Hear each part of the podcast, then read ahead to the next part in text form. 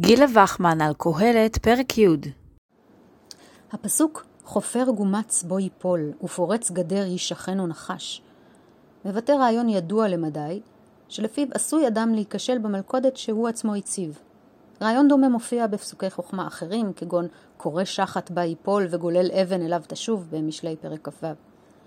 הדימוי שבחלקו השני של הפסוק, ופורץ גדר ישכנו נחש, זכה בספרות חז"ל לפרשנות מצמצמת למדי. המילה גדר נדרשת כמעט תמיד כגדרן של חכמים, כלומר מערכת ההגבלות והאיסורים של חז"ל, בדומה לנאמר במשנה אבות, עשו סייג לתורה. סייג פירושו גדר. ומהו הנחש? תשובה מעניינת לכך מספק סיפור המופיע בתוספתא חולין פרק ב', הלכות כ"ב כ"ג, וגם בבבלי עבודה זרה ובירושלמי שבת. מעשה ברבי אלעזר בן דמה, שנשכו נחש, ובא יעקב איש כפר סמא לרפותו, משום ישוע בן פנטרה, כלומר בשם ישו, ולא הניחו רבי ישמעאל. אמר לו, אי אתה רשאי בן דמה.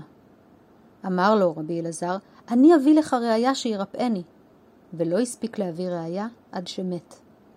אמר רבי ישמעאל, אשריך בן דמה, שיצאת בשלום ולא פרצת גדרן של חכמים, שכל הפורץ גדרם של חכמים לסוף פורענות בא עליו, שנאמר, ופורץ גדר ישכנו נחש.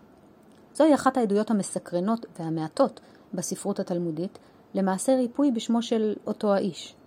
גיבורי הסיפור הם רבי אלעזר בן דמה, רבי ישמעאל דודו, על פי גרסת הבבלי, ואדם בשם יעקב, איש כפר סמא, או כפר סחניה, בגרסת הבבלי, שכנראה השתייך לכת יהודית נוצרית כלשהי.